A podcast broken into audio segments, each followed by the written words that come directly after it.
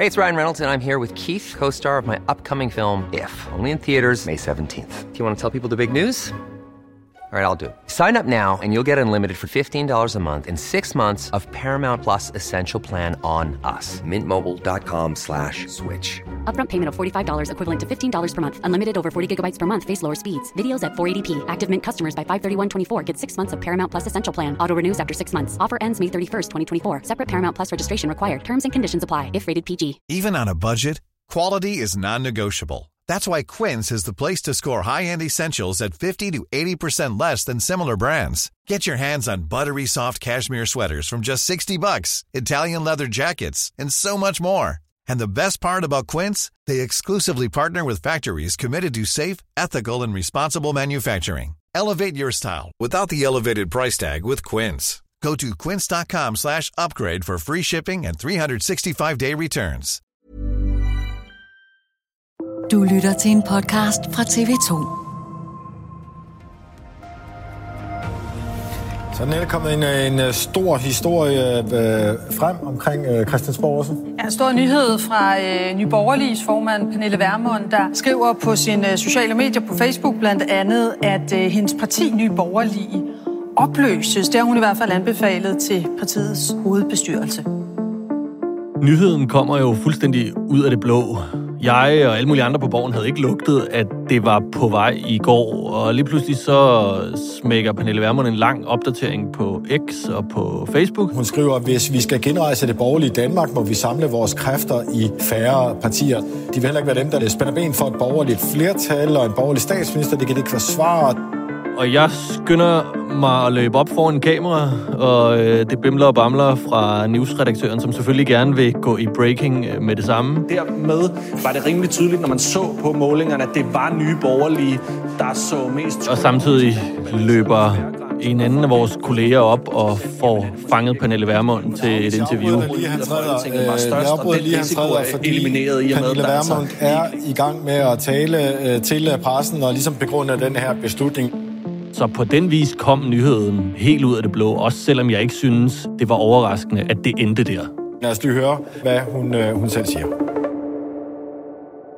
Det er tid til at øh, trække stikket, det er tid til at øh, nødlande, og så sørge for, at de mange gode kræfter, der er i Nye Borgerlige, kommer sikkert over i andre partier, så de kan fortsætte den kamp, som er så vigtig. Nye Borgerlige er på få år gået fra at nyde stor opbakning blandt vælgerne til i denne uge at opløse sig selv. Men er det ikke en kæmpe forlitterklæring, det her, at man er nødt til at opløse sig selv? Jamen, det kan man jo godt sige. Det er en stor beslutning i hvert fald, og jeg havde da håbet, at det var gået anderledes omvendt, så synes jeg også, det er det eneste ansvarlige at gøre. Det er bare den seneste udvikling i det kaotiske år i den blå blok. Men er det en begivenhed, der giver fornyet styrke til de tilbageværende seks borgerlige partier? Det er dato i dag. Mit navn er Lasse Sjørslev.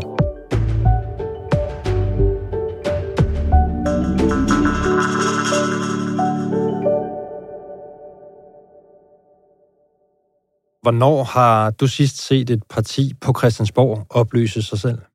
Jeg kan ikke huske, at jeg før har oplevet et parti, der frivilligt opløser sig selv, som har været valgt til Folketinget. Så det er nyt og meget opsigtsvækkende.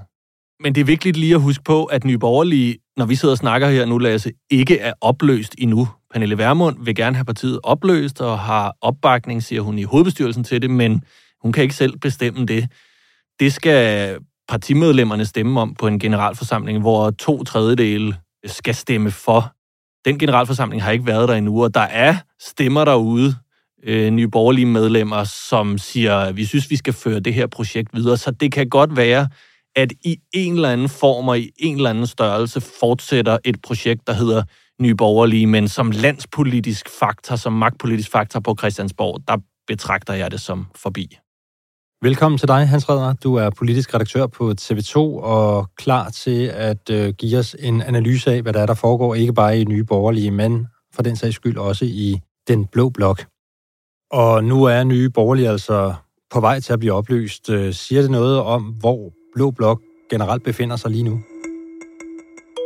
Jeg synes i hvert fald, det jo var ret slående, da man onsdag efter den her nyhed var breaket, talte med alle de øvrige blå partier, at de var alle sammen enige om, at det her det var en god nyhed, og de var selvom man selvfølgelig skal passe på med, i hvert fald alt for offentligt at stå og danse på andres øh, grave, så var de alle sammen glade og lettede i Blå Blok, fordi det her, det er en god nyhed isoleret set for Blå Blok. Af flere forskellige årsager. Selvfølgelig først og fremmest fordi, at øh, risikoen for stemmespil ved næste øh, valg på den blå side bliver mindre.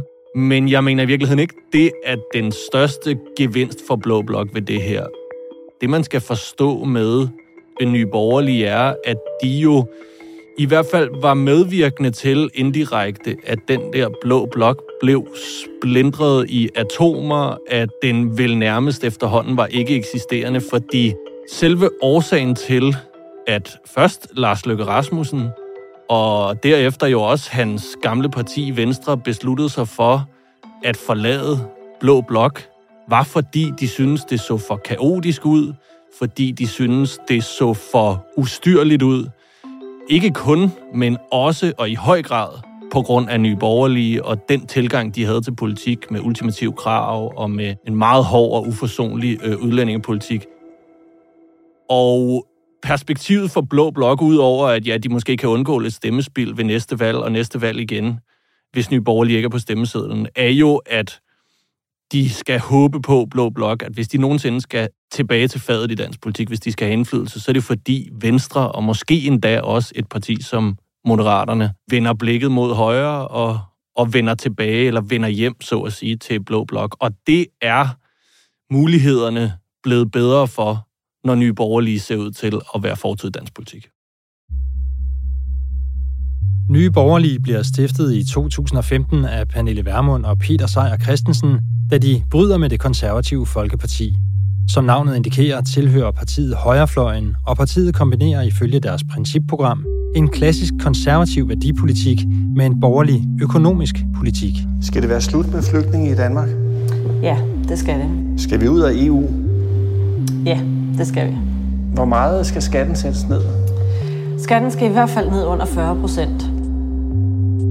Og Hans, det har jo været et øh, vildt rit at følge Nye Borgerlige her de sidste otte år. Det har gået op, og det har også gået ned. Hvis du lige skal give os en øh, hurtig overflyvning over partiets historie, hvad er den så? Det er jo et parti, der bliver skabt som et rendyrket protestparti. Med en Pernille Vermund, der bygger partiet op på en fortælling om, at alle de andre borgerlige partier har fejlet, har svigtet fundamentalt i forhold til udlændingepolitikken, også i forhold til den økonomiske politik, og hun så og mente, at der var behov for et parti i dansk politik, som ikke var en eller anden form for afskygning af Socialdemokratiet. Og det var der jo til synlædende et øh, publikum for. De kom ind første gang, de stillede op der i 2019. Fuck, hvor er det vildt, ikke?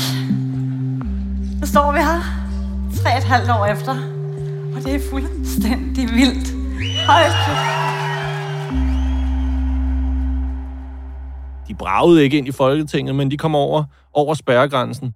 Så oplevede vi jo kort tid efter øh, valget i 2019, at corona ramte øh, Danmark og, og resten af verden, og hvor Pernille Vermund i hvert fald efter den sådan allermest indledende fase i øh, coronaforløbet, blev et talerør for, og resten af Nye Borgerlige blev et talerør for en skepsis over for myndighederne, en skepsis over for vaccinerne, i hvert fald også i nogen grad, en skepsis over for nedlukninger, sådan en, en, en generel autoritets- og myndighedsskepsis på et tidspunkt, hvor de fleste andre øh, partier på Christiansborg, hvis ikke alle, jo bakkede meget trofast op om øh, den kurs, der blev lagt fra øh, den socialdemokratiske regering. Og det var noget, der førte til, at Nye Borgerlige virkelig steg som en raket i meningsmålingerne. Der var jo målinger, der viste, at hver tiende vælger på et tidspunkt så ud til at ville stemme på øh, Nye Borgerlige. Og på Christiansborg begyndte man da også at tænke, er Nye Borgerlige blevet sådan en ny magtfaktor i dansk politik? Kan de ende med at tage livet af Dansk Folkeparti? Kan de ende med at blive den nye sådan stærke stemme på højrefløjen? Så sker der jo en masse ting frem mod valget i 2022. Coronapandemien går i sig selv igen.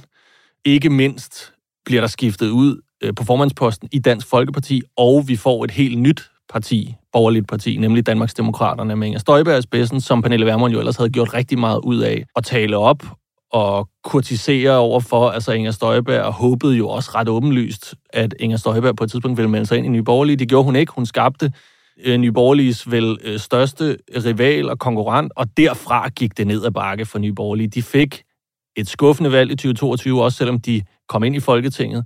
Og så snart valget var overstået, så eksploderede det hele jo internt øh, med uenigheder, personlige og interne stridigheder, og også politiske uenigheder om, hvordan kursen skulle lægges i Nye Borgerlige.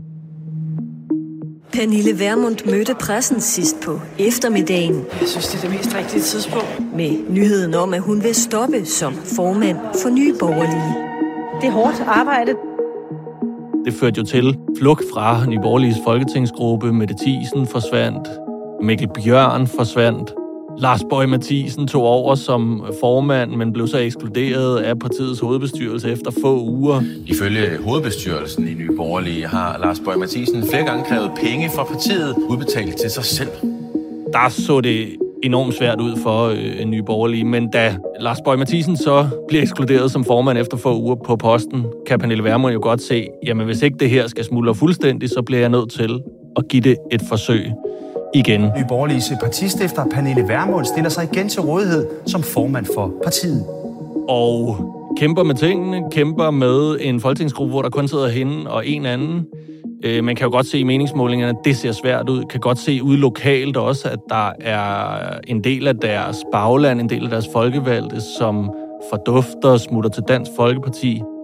Og jeg tror, der er ligesom grundlæggende nok to forklaringer på, at Pernille Vermund har truffet den her øh, beslutning. Den ene er den der kolde, meget drolige politiske analyse, øh, hun har haft om, at det er bedst for blå blok, hvis vi minimerer risikoen for stemmespil ved næste valg, og at vi dermed ikke skal stå på stemmesedlen. Men den anden, tror jeg, lige så væsentlig forklaring er, at Pernille Vermund godt har kunne mærke med sig selv, at hun ikke havde kræfterne til nærmest fra start igen at skulle bygge et parti op.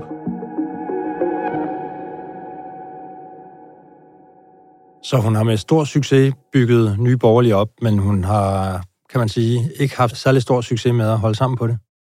Nej, præcis. Øh, hun trodsede jo skeptikerne og kritikerne, der sagde, at der var overhovedet ikke plads til et parti på højrefløjen, og Dansk Folkeparti var så suveræne, at, at det kunne man da ikke forestille sig. Fordi det er jo en succeshistorie at lykkes med at banke et parti på benene og opnå valg øh, ved to valg i træk.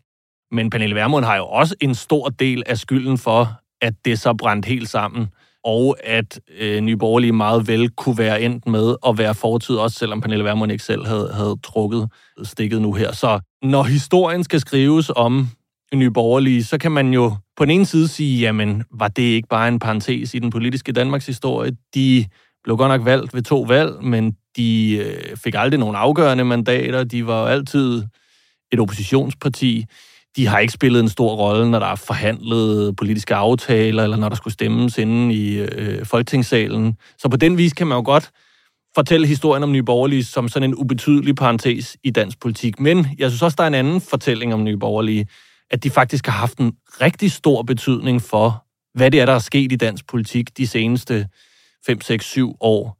Forstået på den måde, at Nye Borgerlige er en af de afgørende faktorer, der har betydet, at dansk politik ser så fuldstændig anderledes ud nu, end det gjorde, før øh, det parti blev dannet. Det bliver selvfølgelig noget kontrafaktisk historieskrivning her, men jeg synes godt, man kan, man kan godt argumentere for, at dansk politik havde set fuldstændig anderledes ud i dag, hvis ikke Nye Borgerlige var blevet skabt af Pernille Vermund der tilbage i 2015. Det kan godt være, at vi ikke havde haft en regering over midten, hvis ikke Nye Borgerlige var blevet skabt. Så på den ene side har de ikke rigtig haft praktisk politisk betydning, men på den anden side synes jeg, man kan argumentere for, at de virkelig har sat gang i nogle jordskælv i dansk politik, som man stadig kommer til at kunne mærke, også efter de ikke er her længere. Vi har direkte billeder fra Marienborg, hvor statsministeren kl. 12 i dag præsenterer regeringsgrundlaget for Danmarks nye regering. Ved valget i 2022 går Venstre og Moderaterne i regering med Socialdemokratiet. Så vi øh, på torsdag præsenterer Danmarks øh, nye regering. Og det sker jo altså efter Mette Frederiksen i aftes meddelte dronningen og den danske offentlighed, at Socialdemokratiet vil danne en historisk flertalsregering med Venstre og Moderaterne. Hvor efterlader det øh, resten af Blå Blok efter valget, øh, da Venstre og Moderaterne danner den her midterregering med Socialdemokratiet? Det efterlader en blå opposition, der både er skuffet og også lidt i chok. Fordi hvad er planen så egentlig nu? Hvad i alverden er vejen tilbage til magten for Blå Blok, når Moderaterne er væk, og når Venstre også har forladt dem? Det vi jo ikke skal glemme er, at der var øh, meningsmålinger kort tid inden det valg, som tydede på, at Blå Blok måske godt kunne få de der 90 mandater og skabe et blot flertal. De følte, at magten på en eller anden måde var inden for rækkevidde, og så går de igennem den der valgkamp, hvor det hele smuldrer, og hvor Venstre efter valget beslutter sig for helt at forlade Blå Blok. Så øh, hvis du skal skære det ud i pap, hvor har Blå Blok så stået siden valget? De har stået i en fase, hvor de skulle tænke sig rigtig godt om. Hvad var planen egentlig? Hvad var fremtiden? Hvordan kom Blå Blok nogensinde til fadet igen? Og der virker det jo som om, at Pernille Vermund også har været på en rejse der. Hun har jo selv forsøgt at omskabe Nye Borgerlige, og hvad det parti skulle stå for siden valget. Hun har sagt, jeg vil ikke længere være en protestpolitiker. Hun har sagt, jeg vil ikke længere stille ultimative krav. Hun har sågar sagt for få øh, dage siden, at hun da ikke vil udelukke, at man kunne indgå i et eller andet øh, samarbejde med de radikale venstre. Den store modstander, ærkemodstanderen for et parti som, som Nye Borgerlige. Så hun har jo også, Pernille Vermund, forsøgt at flytte sit parti, tror jeg, det er min klare oplevelse, fordi Pernille Vermund efter nu at have siddet halvanden valgperiode på Christiansborg, øh, er nået til den erkendelse, som rigtig mange andre politikere er nået til, at det sjoveste på Christiansborg er altså at have indflydelse. Det er ikke at stå udenfor. Den bedste måde at arbejde for et samlet borgerligt Danmark på, det er vel at melde sig ind i et af de mange partier, der er i det borgerlige Danmark. Det er korrekt, og det tror jeg faktisk også, at både Kim og jeg, og forhåbentlig også Peter, øh, vil gøre. Hans Redder, øh, der har jo været en del øh, bevægelser i den blå blok her på det seneste. Hvad er det sådan for nogle nye positioner, der er ved at opstå? Det er en blå opposition, som samlet set jo forsøger og også har nogle snakke på kryds og tværs om, hvordan man på den ene side agerer opposition til den her regering, forsøger at hugge dens vælgere, det skal man jo gøre i politik, men også forsøge at fremstå så spiselige for et parti som Venstre, at Venstre på et tidspunkt kunne vende tilbage til Blå Blok, fordi de ved jo alle sammen, og kan alle sammen godt se Pernille Vermund og Alex Varnopslag og Søren Pape, at hvis Blå Blok skal have noget indflydelse igen, så er det jo fordi Venstre vender tilbage. Hvis du sådan øh, kigger lidt frem i forhold til ideen om en samlet blå blok, som man har haft før, et alternativ øh, til måske også det, der er nu. Hvad er det så? Man kan sige, en blå blok uden nye borgerlige nu, er rollerne måske også lidt mere klart defineret de forskellige partier imellem. Ham, der nok jublede allermest i, i onsdags, øh, ham, der har allermest øh, grund til at glæde sig, er jo nok øh, Morten Messerschmidt og Dansk Folkeparti, som har været troet på sin eksistens øh, på det seneste, men jo nu er tilbage i den strategiske position, de gerne vil have, nemlig som det parti, nu når Nye Borgerlige øh, lige om lidt ikke længere øh, eksisterer, i hvert fald som parti på Christiansborg, så er Dansk Folkeparti tilbage der, hvor de er det parti, der suverænt har den strammeste og mest kompromilløse udlændingepolitik, og der vil de bare gerne være, der har de det godt. Så Morten Messersmith har ligesom klart defineret nu den rolle, Liberal Alliance, Alex Vanopslag har den klart definerede rolle som den der, det der liberale fyrtårn et eller andet sted, og måske også det store dyr på savannen, måske endda en, en kommende statsministerkandidat i Blå Blok. Der er Inger Støjberg, som har fundet sin niche, også selvom den ser ret stor ud, og de konservative. Så rollerne er lidt mere klart defineret nu, hvis der er et parti mindre, og Nye Borgerlige øh, øh, ikke er der. Og det er grundlæggende en, øh, en god ting for den blå opposition. Vil de partier, du nævner her, vil de kunne samles om en fælles statsministerkandidat på et eller andet tidspunkt? Ja, det tror jeg godt, øh, de vil kunne. Det er ikke sikkert, at øh, de kommer til at blive enige om inden næste valg og pege på en specifik person. Men jeg har grundlæggende den opfattelse af politik, også selvom det hele kan være meget forvirrende og, og i opbrud og alt sådan noget, at opskriften sådan set er ret simpel. Hvis der er 90 blå mandater efter næste valg, så tror jeg også, de finder ud af det, fordi de ved, at alternativet til ikke at kunne finde ud af det, det er at forære magten igen til, til Mette Frederiksen, og det tror jeg trods alt, de er enige om, ikke skal ske. Så hvis der bliver 90 blå mandater, inklusiv Venstre, ved næste valg, så tror jeg også, der kommer en, en blå statsminister. Og hvem det så bliver, det er straks et, et, et andet og mere åbent spørgsmål, hvor man kan pege på, på flere forskellige. Men må ikke de nok skal finde ud af det, hvis valgresultatet flasker sig? Vil vi allerede se nu, at øh, oppositionspartierne i den blå blok begynder sådan at bejle til Venstre, begynder at bejle til Moderaterne, måske også til de radikale? Ja, det vil vi se, og har allerede, synes jeg, set begyndelsen på. Der er sket noget i dansk politik og i forholdet mellem Venstre og de blå oppositionspartier siden Venstre skiftede formand for nyligt. Troels Lund Poulsen er bare på mange måder en mere spiselig figur for flere af de andre øh, blå partier og flere af de andre øh, borgerlige vælgere. Det ligger stadigvæk ikke på den flade. Der er masser af både sådan personlige og politiske uenigheder, der ville skulle høvles af.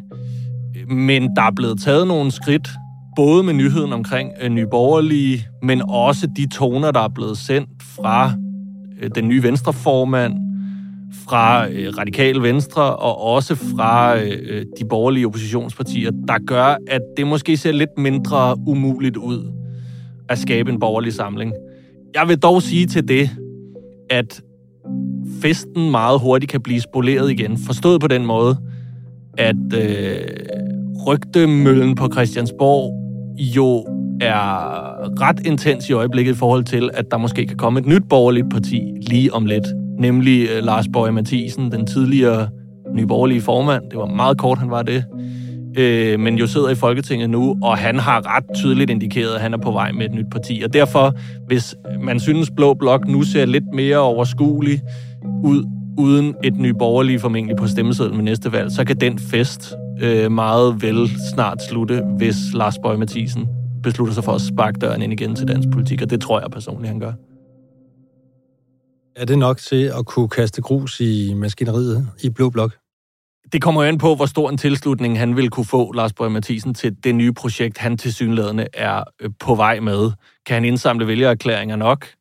Kan han få stemmer nok til enten at skabe så meget stemmespild, fordi han ender på, hvad ved jeg, øh, halvanden procent øh, af stemmerne, eller sågar øh, over en spærregrænse, og dermed komme ind i Folketinget og rigtig skabe ravage.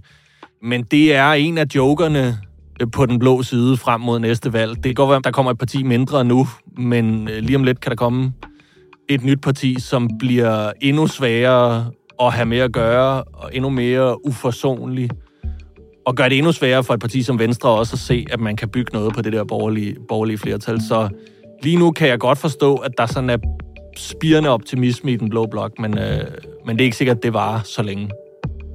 Tak for at komme i øh, studiet, Hans Redder. Det var slet.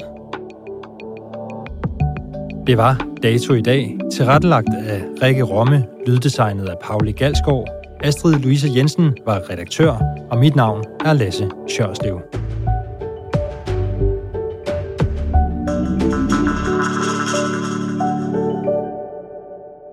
Du har lyttet til en podcast fra TV2.